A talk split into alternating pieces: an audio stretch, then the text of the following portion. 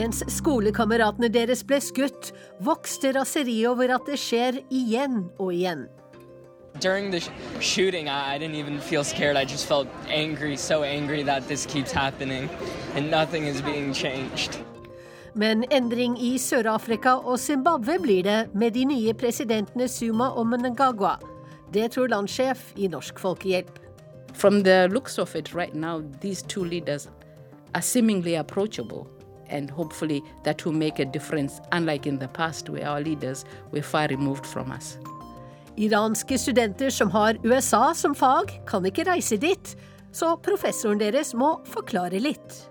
And so we teach our students that uh, don't think United States is Trump and Trump is United States. The general public in the United States is much more normal than Trump is. Og korrespondentbrevet, det kommer fra Washington. Vel møtt til Urix på lørdag, jeg heter Wenche Eriksen.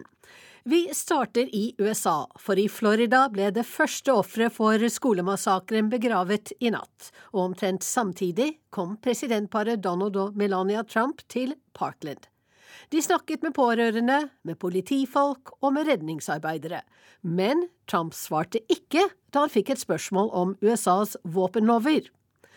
Kollega Tove Bjørgaas har møtt mange tenåringer i Florida de siste dagene. De har fått nok av amerikanske politikeres handlingslammelse. More gun control. And yeah, that's really it. It's not letting people that are like mentally ill get a hold of a gun. I am beyond pissed. During the sh shooting, I, I didn't even feel scared. I just felt angry, so angry that this keeps happening and nothing is being changed. While we were in there, we were all still talking about gun control and how something needs to change. Like, we were in a closet and we were still thinking about this. She was a freshman too. She was the sweetest girl ever.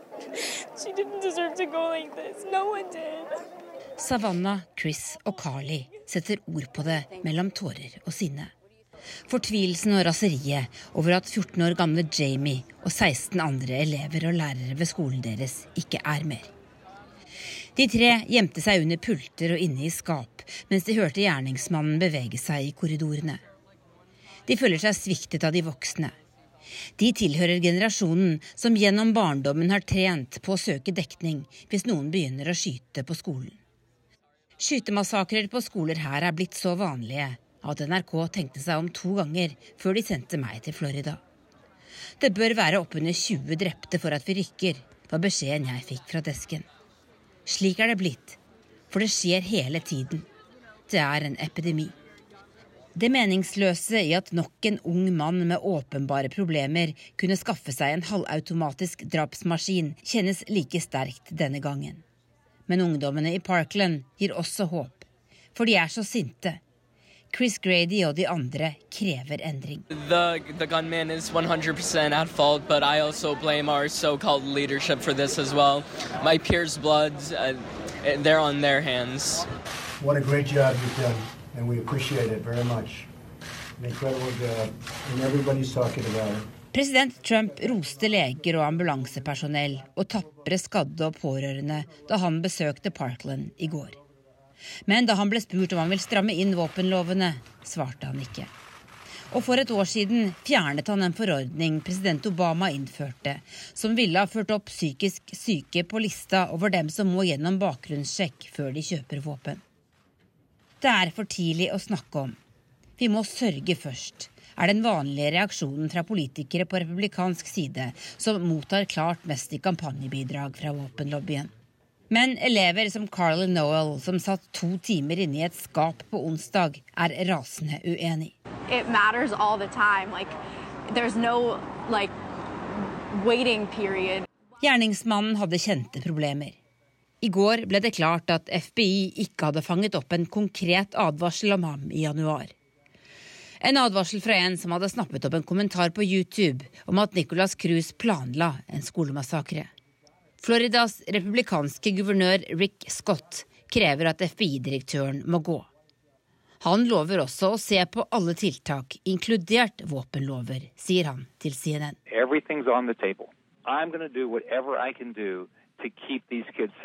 It's, it's looking at you know who should have guns.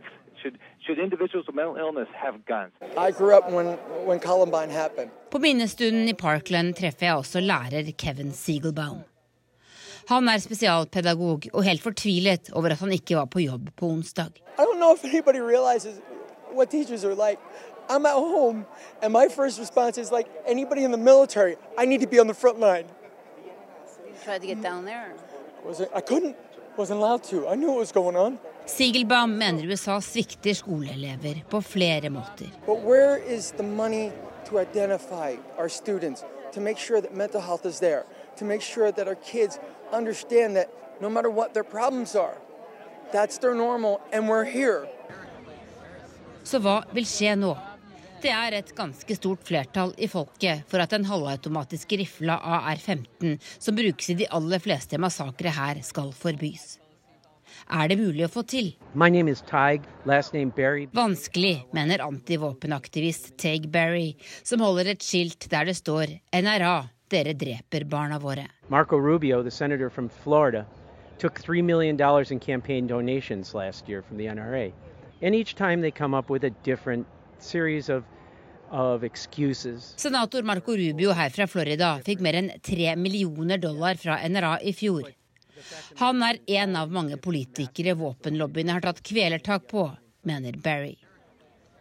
Litt lenger bort i folkehavet på minnestunden står en senator som vet litt om det kvelertaket. Chris Murphy er demokrat og fra Connecticut. Siden 20 førsteklassinger og seks lærere ble drept på barneskolen Sandy Hook i desember 2012, har han kjempet sammen med foreldre som mistet førsteklassingene sine. I motbakke. Men Murphy har ikke gitt opp. Han ber amerikanere som vil ha forandring, om å bruke stemmeretten sin. Americans have to get out there and vote with what matters to them really. And we can stop these things from happening, right? These these are issues that we can solve. There's some issues in life that are very complicated, very tough. This isn't necessarily one of them, right? This doesn't happen in other countries for a reason.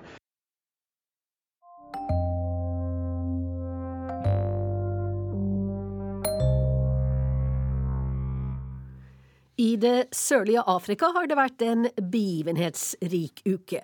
Jacob Zuma ble tvunget til å trekke seg som president i Sør-Afrika, og i nabolandet Zimbabwe sørger opposisjonen over tapet av sin mangeårige leder Morgan Swangerai.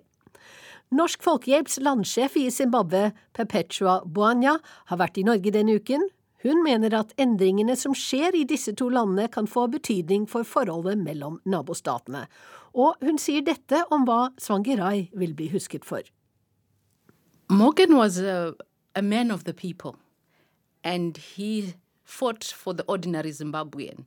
So his legacy will be remembered as a, a people's hero, the one who identified with the ordinary person in the street, a worker, a father, who took up the, the fight of the many Zimbabweans who, at a particular time in our lives, we were too afraid to voice out some of the things that were happening in the country.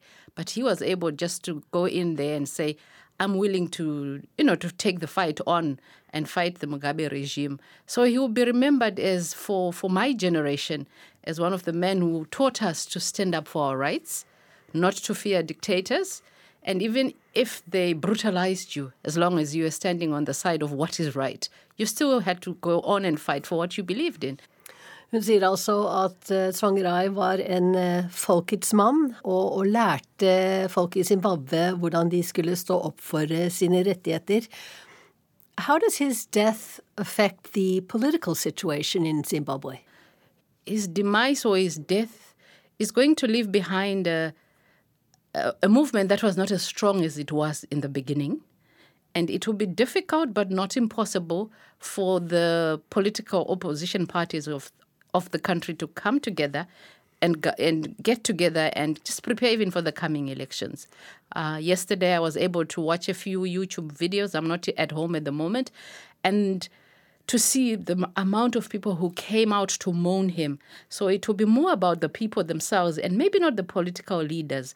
And I'm hoping that the people will force the political leaders to come together to unify the opposition political leaders and bring up strong candidates who can stand up against uh, the new regime that we have in the country. In, when, and when I say stand up, I'm talking about the elections that are coming up uh, in a few weeks, few months' time. Uh, Mugabe has left power. Uh, you have a new president. Uh, what has changed in Zimbabwe since the um, president changed? I think just the ability to say we have a new president. Mugabe was president for 37 years. So you can imagine there, there's a whole generation who knew no one else. And that generation up to now is, they still feel as if they're in a dream that Mugabe has gone. So just the, the, the fact that you can have change and leaders can change, uh, I think that's what it has meant for, for many Zimbabweans. And with the new leader, the, this cautious optimism that um, he'll bring in, well, he's been talking a lot about bringing in change, democracy the way Zimbabweans want. So the the we are hopeful towards the fact that things might change, but of course we the political party remains the same. So hence the caution. Um, the presence of the military also is still there. So hence the caution. But definitely, it's just something new um, a breath of uh, newness, fresh air for, for the nation is uh, what we are looking forward to. And just seeing uh, a portrait of someone else in the country on a day-to-day basis, that's, that's also been very good for, for us as a nation. Ja, Perpetua Buana sier at bare det at de har en ny president etter så mange år med Mugabe, at det har vært forandring, skaper eh, en forsiktig optimisme foran valget som eh, skal holdes snart, om noen måneder, men at opposisjonen eh, er sterkt splittet big changes the past week in both Zimbabwe and in the neighboring uh, country, South Africa. And these two countries are tied together closely. Do you see some regional perspectives with these huge changes that have happened the past few days, actually? Yeah, I mean, uh, the changes have been swift with uh, Mugabe leaving in November, and of course, with Morgan leaving us, uh, dying on, on Tuesday, and then uh, Zuma resigning on the same day. So a lot has been happening in our region. But the key thing, I think, for us as a region is we now probably have uh, two uh, leaders who are speaking of wanting to change things that have gone bad. Uh, when you look at South Africa, Cyril Ramaphosa is being called Mr. Fix It. People are looking to him to fix the economy. And with the fixing of the South African economy, Hopefully, there will be a ripple effect on the region. Of course, this comes with uh, complexities, but definitely, uh, if South Africa starts to do well, it can impact our own economy. Our current president, Emerson Mnangagwa, is really has been saying Zimbabwe is open for business. So he's been dialoguing a lot with everyone, trying to open Zimbabwe up again. So there is, again, I would use the word cautious optimism that things will start to improve especially for the ordinary person. So it's exciting times. Um, new people, and we're hoping that uh, they will fix some of the things, but not on their own. Uh, I think with civil society, with business leaders, so that we also don't go into the notion of always waiting for our leaders to th- change things. But we, even as citizens, are now pushing, should push an agenda and push the new leaders to go in a certain way. And from the looks of it right now, these two leaders are seemingly approachable and hopefully that will make a difference, unlike in the past where our leaders were far removed from us. Perpetua Buanya, thank you very much. Thank you. Og jeg kan jo legge til at Buana også sa til meg at hun ikke ville ha turt å stille til dette radiointervjuet og sagt det hun har sagt, hvis Robert Mugabe fortsatt satt ved makten i Zimbabwe. Nå til Teheran, der interessen for å studere amerikansk historie og politikk er like sterk under president Trump som den var under Obama. USAs utenrikspolitikk har store konsekvenser for oss iranere. Derfor vil så mange studenter forsøke å forstå USA bedre, sier professor og USA-ekspert Fouad Isari. Men Hvorfor må iranerne betale prisen for at Trump vil reversere alt Obama fikk til, som, eh, som atomavtalen med Iran, spør han også. Professor Fouad Isadi prøver å gå ned litt i vekt, så han insisterer på å gå alle trappene til kontoret sitt. Vi er inne på Teheran universitet, på Instituttet for nordamerikanske studier. Uh, no, you know, they have that Muslim ban. Nei, han kan ikke reise til USA lenger pga. Trumps reiseforbud for iranske statsborgere. Den iranske USA-eksperten lever med det, men det er mye verre for studentene mine, sier han. We give master's degree and PhD degrees in American studies. It would be a very good idea to actually visit the country that you are studying, and they cannot. Studenter som studerer USAs samfunn, politikk og historie, kan ikke komme seg til det landet de spesialiserer seg på i årevis. Og om de ikke kan reise dit selv, så blir de bare kjent med USA gjennom mediene og fra Trumps hatske retorikk. De får ikke treffe vanlige amerikanere, og dette er veldig synd, synes professor Isadi. And so we teach our students that uh, don't think United States is Trump and Trump is United. The general public in the United States is much more normal than Trump is. Trumps anti-iranske utfall skaper en ny anti-amerikansk generasjon her i Iran, frykter han. It says all the, the cause of all problems in this part of the world is because of Iran. He's turning a new generation of Iranians anti-American. De unge ser han bare som en negativ kraft. Nå er Iran et land med 80 millioner godt utdannede mennesker, og Iran er langt mer robust enn rett etter revolusjonen. Så om president Trump fortsetter å si at Iran er grunnen til terrorismen i verden, og bare snakker nedsettende om iranerne og Iran, vil dette få dagens unge generasjon til å sterkt mislike, ja hate USA, noe USA kan komme til å betale en høy pris for i lengden, mener Fouad Isadi. I de snart 40 årene siden den islamske revolusjonen i Iran har forholdet mellom USA og Den islamske republikken stort sett vært på frysepunktet. Riktignok forsøkte president Obama å nærme seg Iran da han undertegnet den historiske atomavtalen i 2015 sammen med EU og FN. Men med president Trump er forholdet tilbake på et iskaldt bunnivå. Så hvordan er interessen for å studere amerikansk samfunn og historie i Teheran nå? We get much more students that want to study United States that we have room for. So we have to reject about 90% uh, of the students that are uh, applying. 90% of the students. Vi må avvise 90% av alle som vil studere amerikanske forhold og politikk. Det er en enorm interesse her. Og En viktig grunn til det er at USAs politikk får så store konsekvenser for oss iranere, sier professor Fouad Izadi. Men hvordan er interessen for å bli USA-ekspert under Donald Trump, spør jeg. So you have more people interested to study U the US because they are more worried about the US now than they used to be before. Interessen den er like stor. Men nå vil de studere for å forstå mer av USA fordi de er bekymret, mener professoren.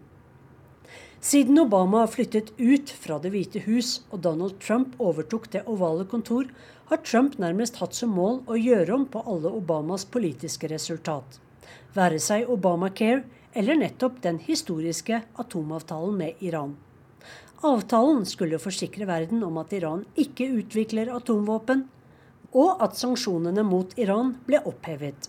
So this, because, uh, Trump... Tror du det er slik, spør jeg professoren, at Donald Trump har et Obama-kompleks, og at det er iranerne som må betale prisen for dette? Iranians have to pay price. Americans have to pay the price. Europeans have to pay the price. So he's destroying a nuclear agreement that's working. Everybody says it's working. Vi betaler alle prisen. Europeerne liker heller ikke at Donald Trump roter det til med den internasjonale atomavtalen. He's bullying other countries. There's this uh, feeling of competition. He's uh, just competing with everybody. Men det virker som om Trump bare vil konkurrere med alle. Canada, fighting with Europe. Uh, NATO. Og det er merkelig, sier professoren. Uh, Men om ikke den iranske USA-eksperten var travel nok fra før, er han enda mer etterspurt nå av journalister, TV-kanaler og som foredragsholder. For alle vil at han skal forklare dem hva som egentlig skjer i USA nå. Sissel Wold rapporterte fra Teheran. Og så kan vi melde at Norge akkurat har tatt gull i kvinnestafetten i langrenn i OL. På det norske gullaget var Ingvild Flugstad Østberg, Astrid Urenholt Jacobsen, Ragnhild Haga og til slutt Marit Bjørgen. Sverige tok sølv. Og denne OL-meldingen passer fint med det neste innslaget vårt, for vi skal til Sør-Korea. Bør Den internasjonale olympiske komité få Nobels fredspris for å ha fått i gang dialogen på den koreanske halvøya igjen. Forslaget er stilt, og IOC-president Thomas Bach drar etter planen snart til Nord-Korea for å se hvordan det er mulig å videreutvikle det samarbeidet som er kommet i gang i forbindelse med vinter-OL. Korrespondent Morten Jentoft har sendt oss denne reportasjen fra Sør-Korea.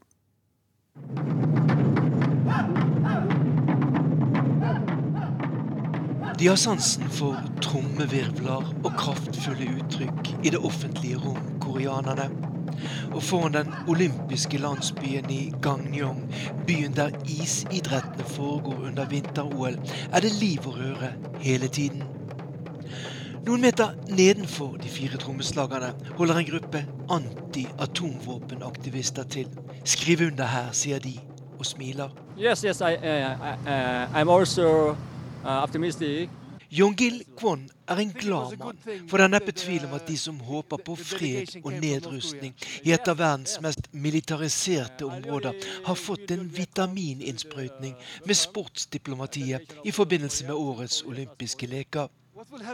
Da de nordkoreanske rakettene seilte over himmelen for noen måneder siden, var det få som kunne tenke seg at nord- og sørkoreanere skulle spille ishockey på samme lag, godt støttet av verdens mest disiplinerte supportere, selvfølgelig fra Nord-Korea. Uh,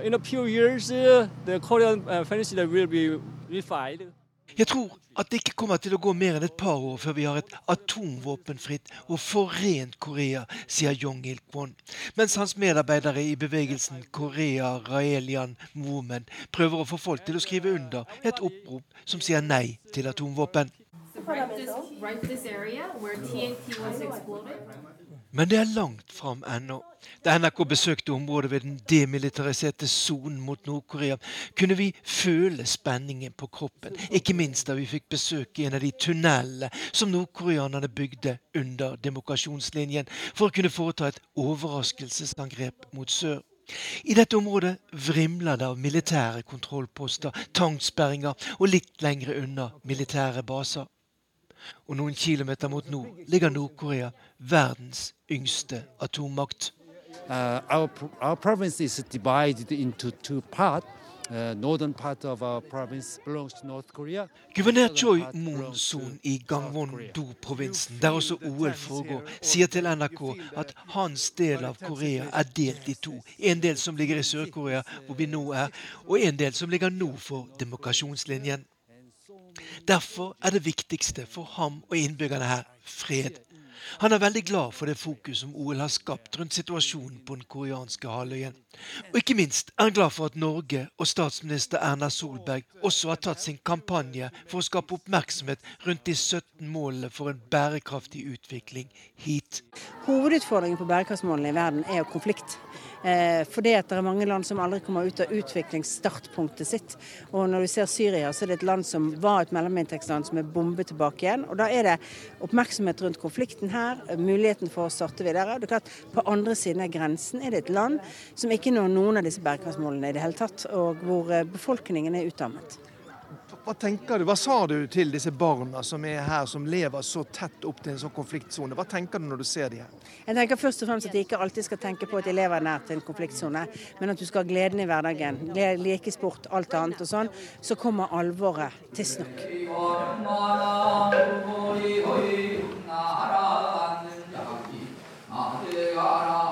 Oppe i fjellet, litt nord for OL-anleggene i Pyeongchang, sitter munken Hak Ryang og ber inne i det vakre Sangwon-sa-klosteret, som kan regne sin historie tilbake til år 750.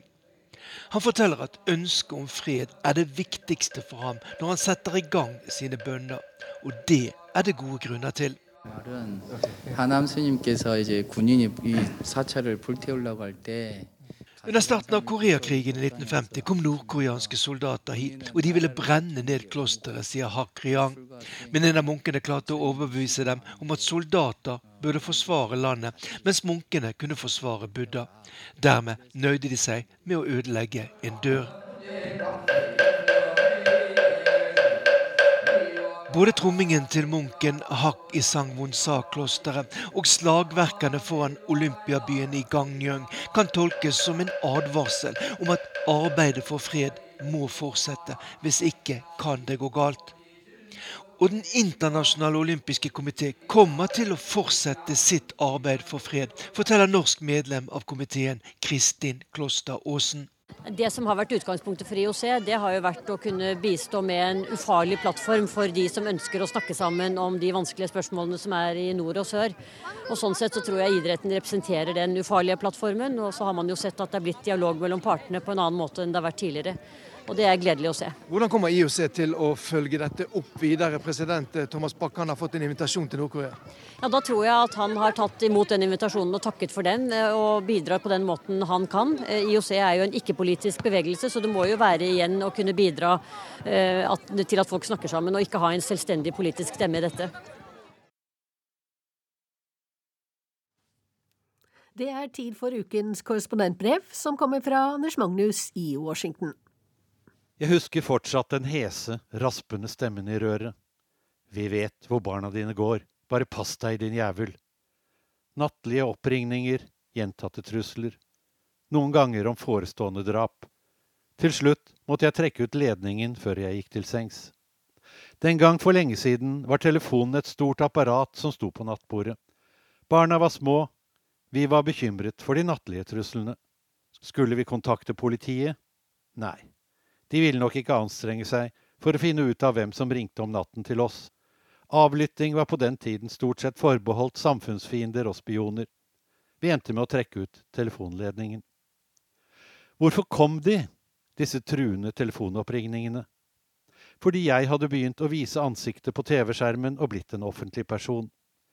Jeg undret meg over, og gjør det fortsatt, hvordan enkelte kan opparbeide et så voldsomt hat mot andre mennesker folk de ikke kjenner, men som de kanskje ikke alltid er helt enige med. Et hat som i dag flommer over på alle slags plattformer. For en stund siden så jeg filmen The Post her i den amerikanske hovedstaden. Handlingen er fra 1970-tallet, der eieren av avisen The Washington Post står overfor et valg om å trykke artikler om de hemmelige Pentagon-papirene eller ikke. Hun publiserer, og avisen og journalistene blir heltene både i filmen og i historien. Etterpå kom Watergate-skandalen med Nixons fall, og alle var enda sikrere på at pressefolk var demokratiets blankeste riddere. Slik var det da jeg begynte i yrket. Reporterens oppgave var å avdekke det som var galt i samfunnet, slik at det kunne rettes opp av politikerne eller politiet. En nødvendig jobb, mente de fleste. Det forandret seg etter at telefonen ble allemannseie. Da kom de nattlige oppringningene, truslene, den tunge pustingen. Med e-post og sosiale medier har det blitt verre. Mye verre. Utskjelling og ufinheter hagler inn. Kvinnelige kolleger mottar i tillegg diverse ekle seksuelle ytringer som de godt kunne klart seg uten. Her i Washington er jeg så langt borte fra trollene at direkte trusler virker litt bortkastet. Men høyst ufine kommentarer er ingen mangelvare. Torstein S. Ja, han skrev etternavnet også, men det skal jeg ikke røpe. Kom med denne salven nylig. Din mentale helse er tilbakestående. Raddispissoaret NRK må faen meg kvitte seg med svin som deg. En annen, som heter Henrik, skriver Du er blitt helt blåst i hodet av ditt medieyrke. Det at du skal ha denne mediamakten, er djevelsk. Herr Stang vil ha meg til legen. Skal ikke du undersøke snart, mentalt? skriver han. Otto kommenterer et videoklipp slik. Skadefryden sliter i ARK-kroppen, så det ser ut som han er pissetrengt der han står og småhopper. Disse var absolutt ikke av de verste, men det får være måte på hva man skal gjengi på riksdekkende radio. De aller ekleste og nedrigste kommentarene sletter jeg uansett med det samme. Trump-hater blir jeg kalt, eller Trump-elsker fra de på den andre siden. Noen tror at det bare er Trump-tilhengere og høyreorienterte som kan trolle, Men nei da, venstresiden er like ille. Det har jeg også fått oppleve til gangs.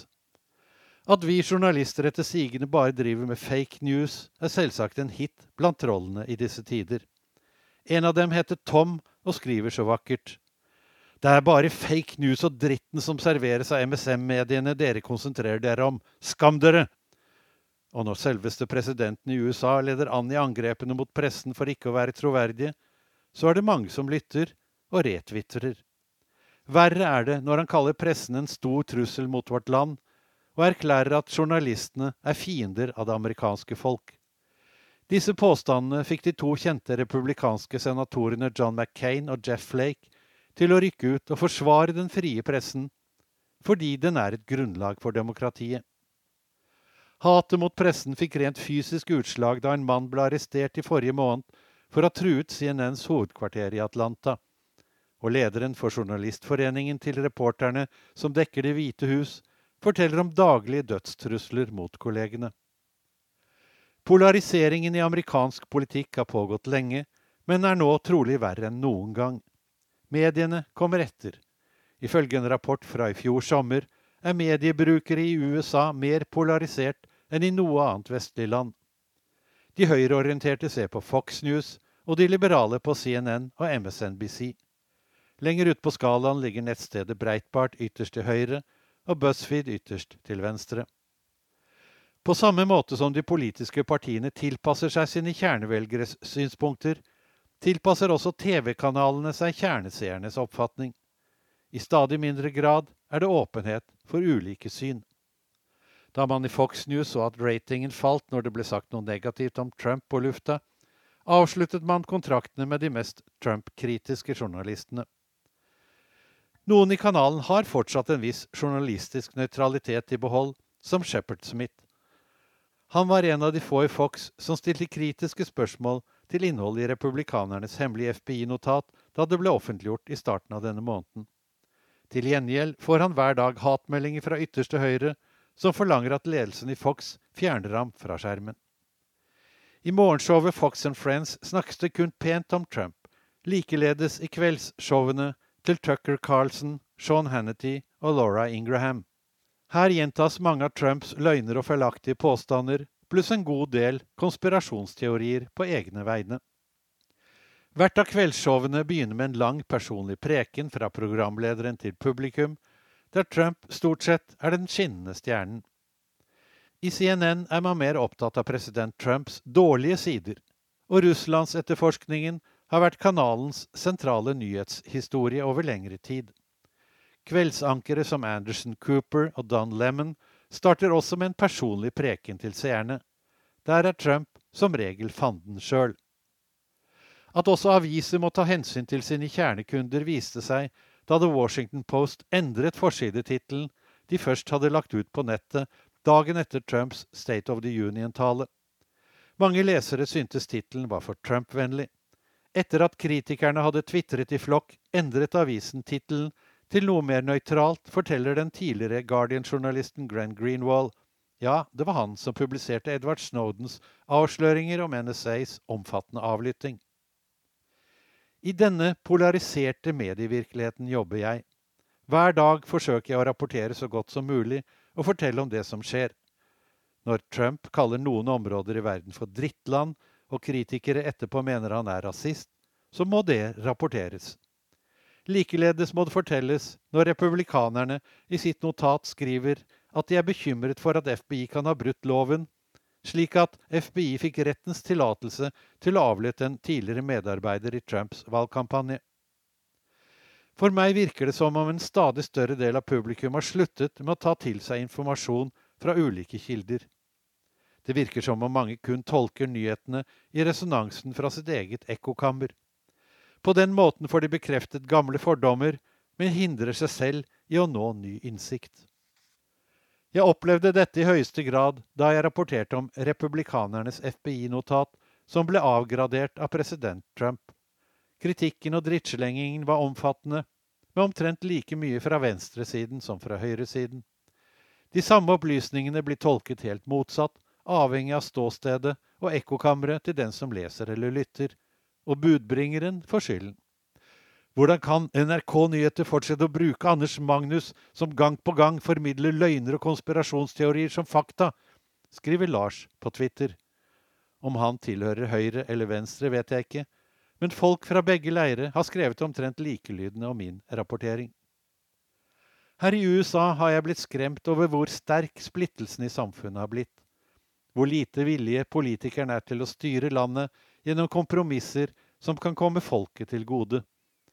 Mange ganger synes det viktigere å kunne slå en motstander i hodet enn å skape resultater som bringer landet framover.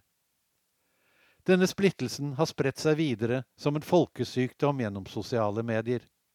Ofte ser det ut til at hatet mot den som tenker annerledes, trumfer ønsket om innsikt, kunnskap og forståelse.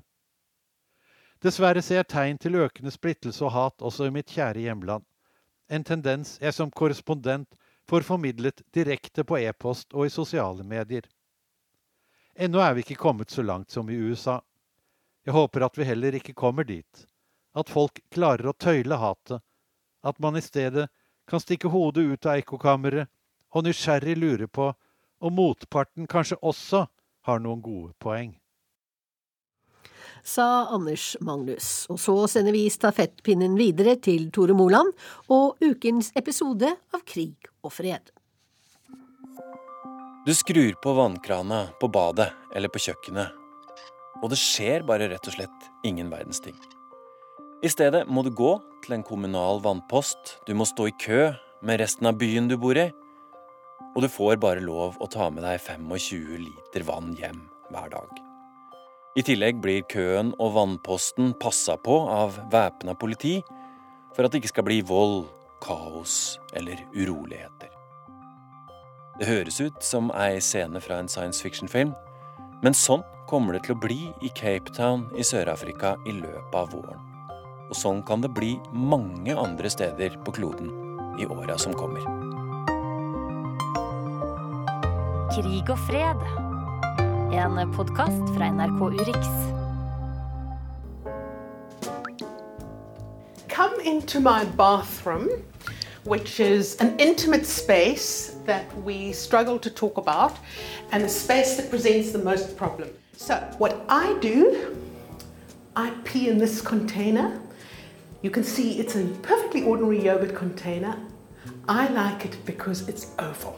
It's perfect shape for feminine thighs. Her har vi ei dame som lar det gå sport i å spare på vannet. Helen Moffat bor i en enebolig i utkanten av Cape Town, og hun tisser i et yoghurtbeger i stedet for å skylle ned i do.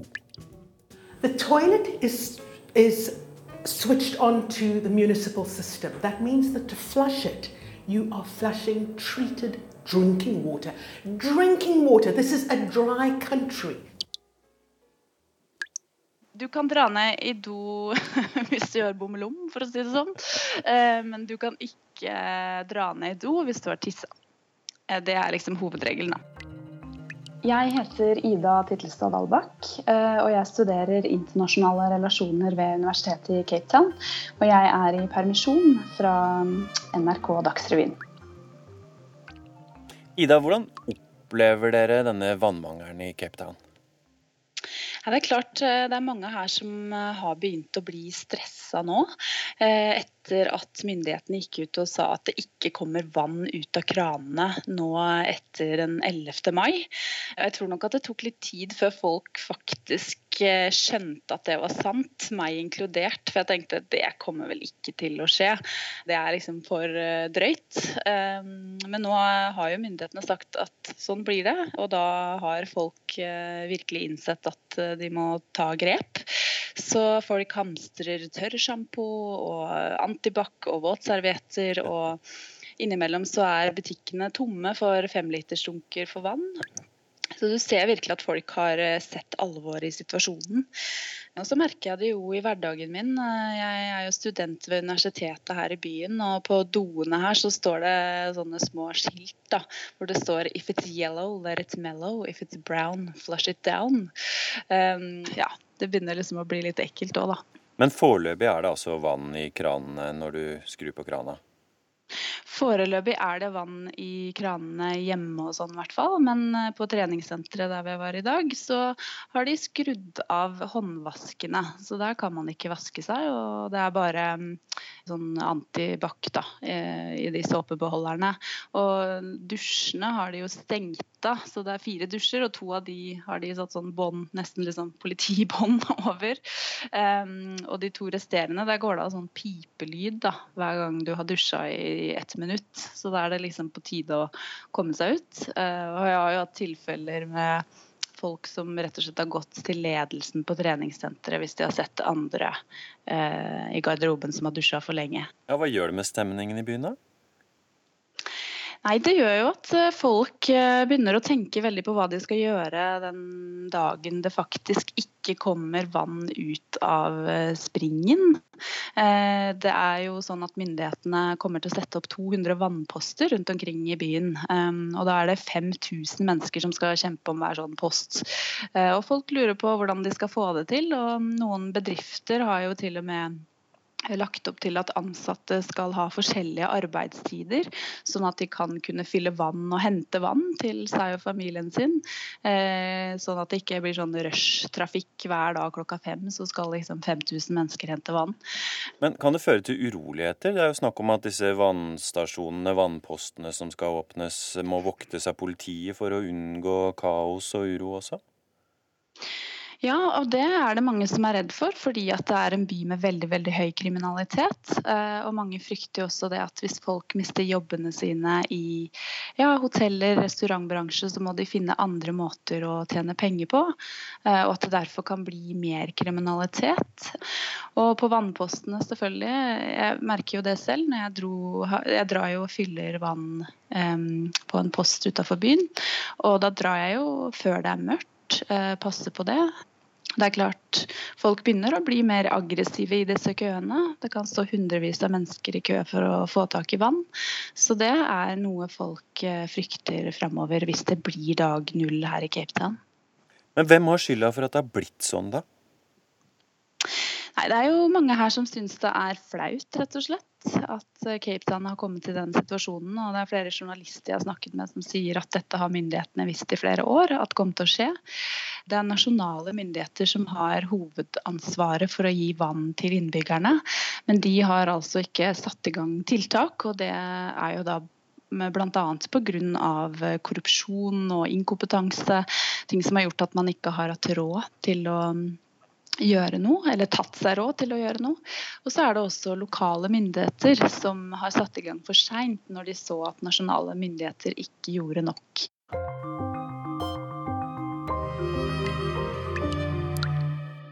Hovedgrunnen er jo rett og slett en slags naturkatastrofe som bare skjer hvert tusende år. At uh, vi har hatt tre vintre med veldig lite regn. Uh, det regner kun på vinteren her nede, så å si. Uh, som er da på vår sommerhalvdel av året. Så for, eh, fordi vi da har den tredje vinter på rad som det ikke har vært ordentlig med regn, så, så har magasinene gått tomt, rett og slett. Jeg heter Stian Tvede Karlsen. Eh, jeg er en 34 år gammel statsviter med bakgrunn fra Høyre. Eh, siden 2010 så har jeg studert og jobbet som politisk rådgiver her i Cape Town for hovedopposisjonen i Sør-Afrika, som heter DA. Democratic Alliance, som også styrer eh, Western Cape Province, der eh, Cape Town ligger? Vi styrer eh, Cape Town og Western Cape, yes. Så da er du på sett og vis ansvarlig for dette her, da? Det er vel ikke helt sant, men vi har definitivt hatt mye å henge fingrene i pga. denne krisen. Det er jo selvfølgelig det også at Eh, det har jo vært varslet en stund at eh, vi må forberede oss på at eh, klimaet vil endre seg, og det er jo det vi nå kanskje ser beviset på. I tillegg så har det vært, er jo en stor befolkningsvekst i de store byene i Sør-Afrika. Og man har jo sett at man har behov for å øke kapasiteten i magasinene.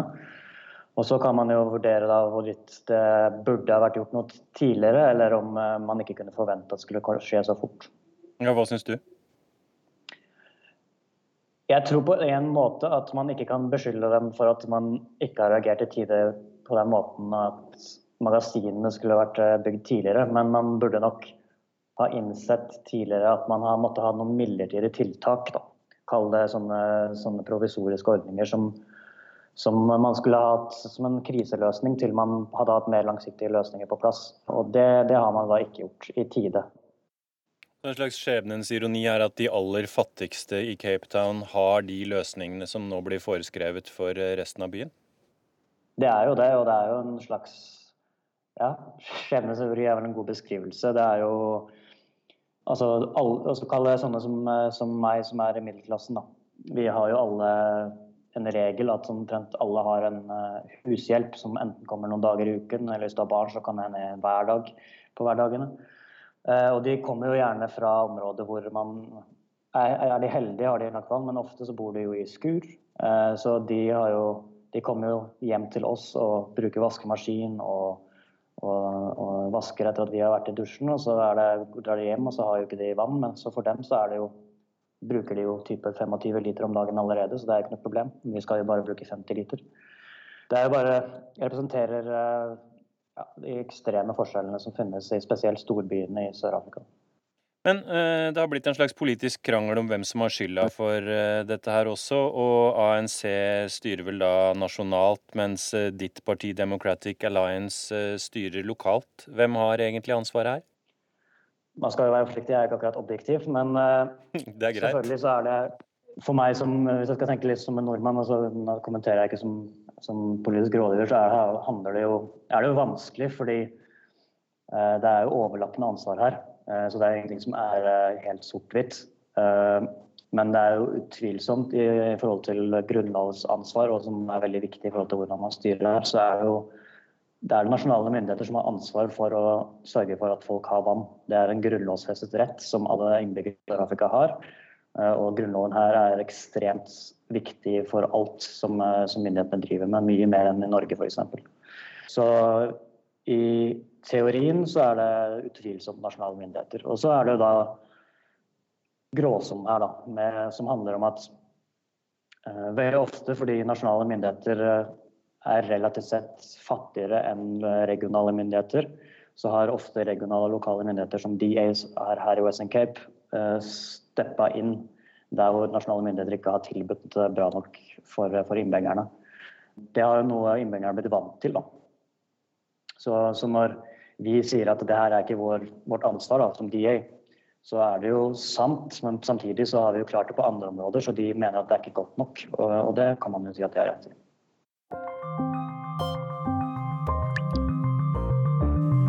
God is not happy with Cape Town. Guds vrede er eh, predikanten Angus Buckens enkle forklaring på vannmangelen i Cape Town. Han mener innbyggerne i byen ikke kan gjøre noe annet nå enn å be og angre på sine synder. Crime, murder, disrespect for human life, prostitution, alcoholism, drug addiction, racialism and hatred. Knirker i snøen. Nydelig vintervær. Og noe sånn som 13 000 km fra Cape Town. Her sitter ekspertisen, vet du. Jeg tror at vi kommer til å se flere nyheter om vann i årene som kommer, fordi det er Én årsak er at klimaendringene spiller en ganske vesentlig rolle for eh, vannressursene våre at man har økende press på vannressurser i forbindelse med økende forbruk og økende forurensning, så er det helt klart at det kommer til å bli mye mer konflikter og mye mer kamp om det vannet som faktisk finnes. Men er det sånn at det egentlig er nok rent vann til alle på kloden?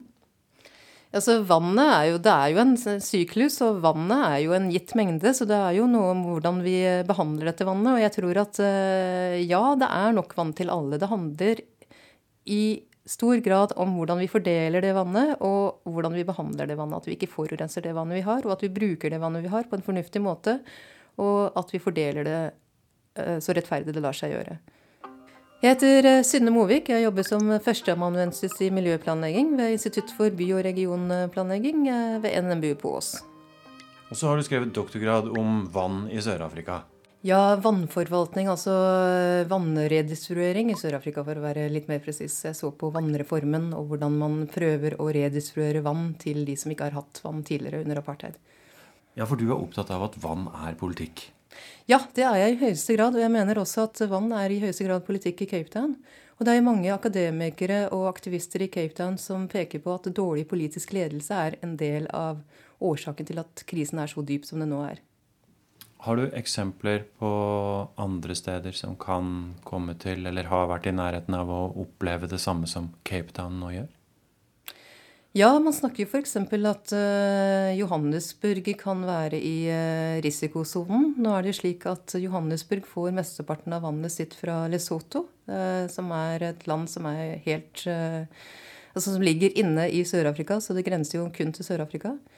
Eh, nå snakker man om at det er ganske lave nivåer i dammene i Lesotho også. og Man spekulerer i om ikke det samme som skjer i Cape Town, også kan komme til å ramme Johannesburg. Og Johannesburg er jo en millionby, og det er også i dette området Gauteng eh, at det er veldig mye industri som befinner seg, så det vil jo også ramme økonomisk ganske hardt hvis det skulle skje. Men hvis vi skal prøve å se litt sånn grovt på resten av verden, da. Eh, hvem er det som har størst problemer med å skaffe nok vann? Ja, Det er kanskje et litt vanskelig spørsmål å svare på.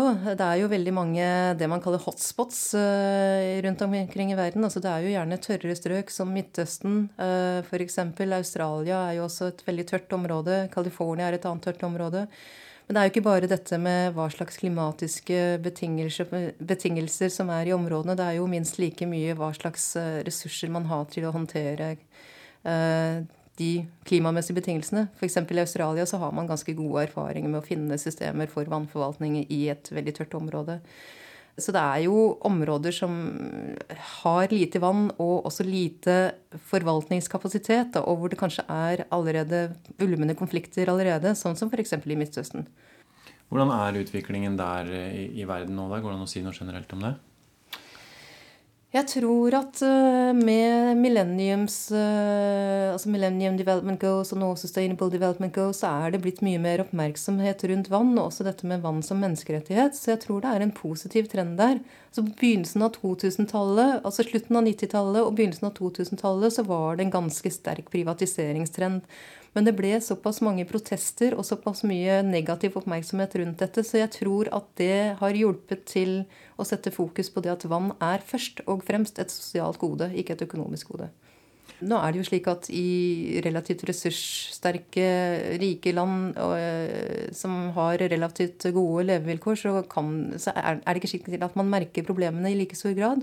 Men i land der hvor det er store sosiale forskjeller, så er privatisering av offentlige vannforsyningstjenester et stort eh, problem. En av de kanskje aller mest kjente eksemplene er fra Cochabamba i Bolivia. Hvor eh, det offentlige vannsystemet ble privatisert. altså Det var et privat selskap som tok over forsyningen, og det førte til mye høyere priser. Og det førte også til en ganske kraftig mobilisering av folk, som rett og slett uh, endte i at myndighetene måtte reforhandle og trekke tilbake kontrakten. Men sånn som det som skjer i Cape Town nå, da kan det være en vekker for oss eh, i resten av verden? da, på sett og vis?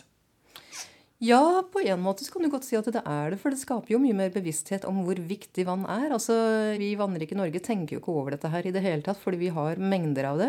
Men det å ikke kunne gå bort til krana og, og være trygg på at det kommer rent drikkbart vann ut av krana, det gjør jo noe med bevisstheten rundt hvor viktig vann faktisk er. Og det tror jeg det er derfor det er så mye oppmerksomhet rundt Cape Town også, fordi det er verdens viktigste ressurs. Vi er alle avhengig av det.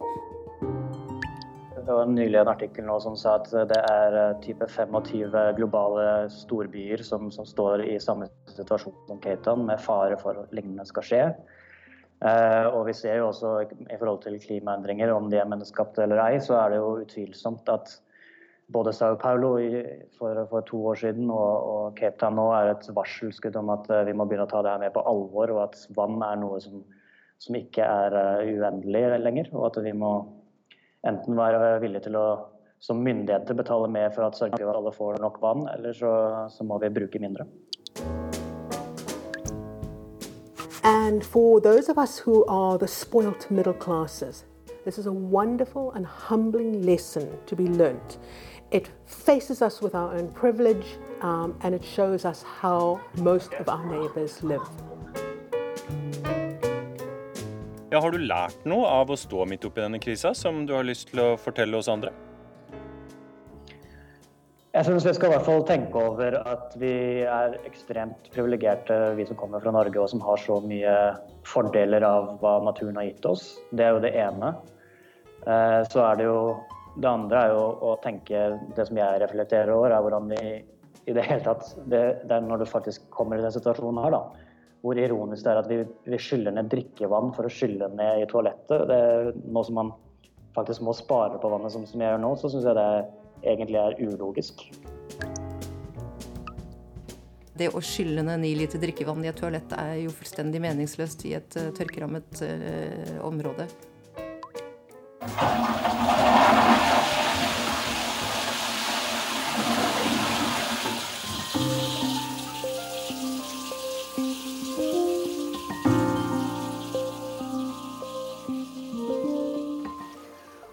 Det er Urix på lørdag slutt. Teknisk ansvarlig var Finn Lie, produsent Tonje Grimstad, og her i studio satt Wenche Eriksen.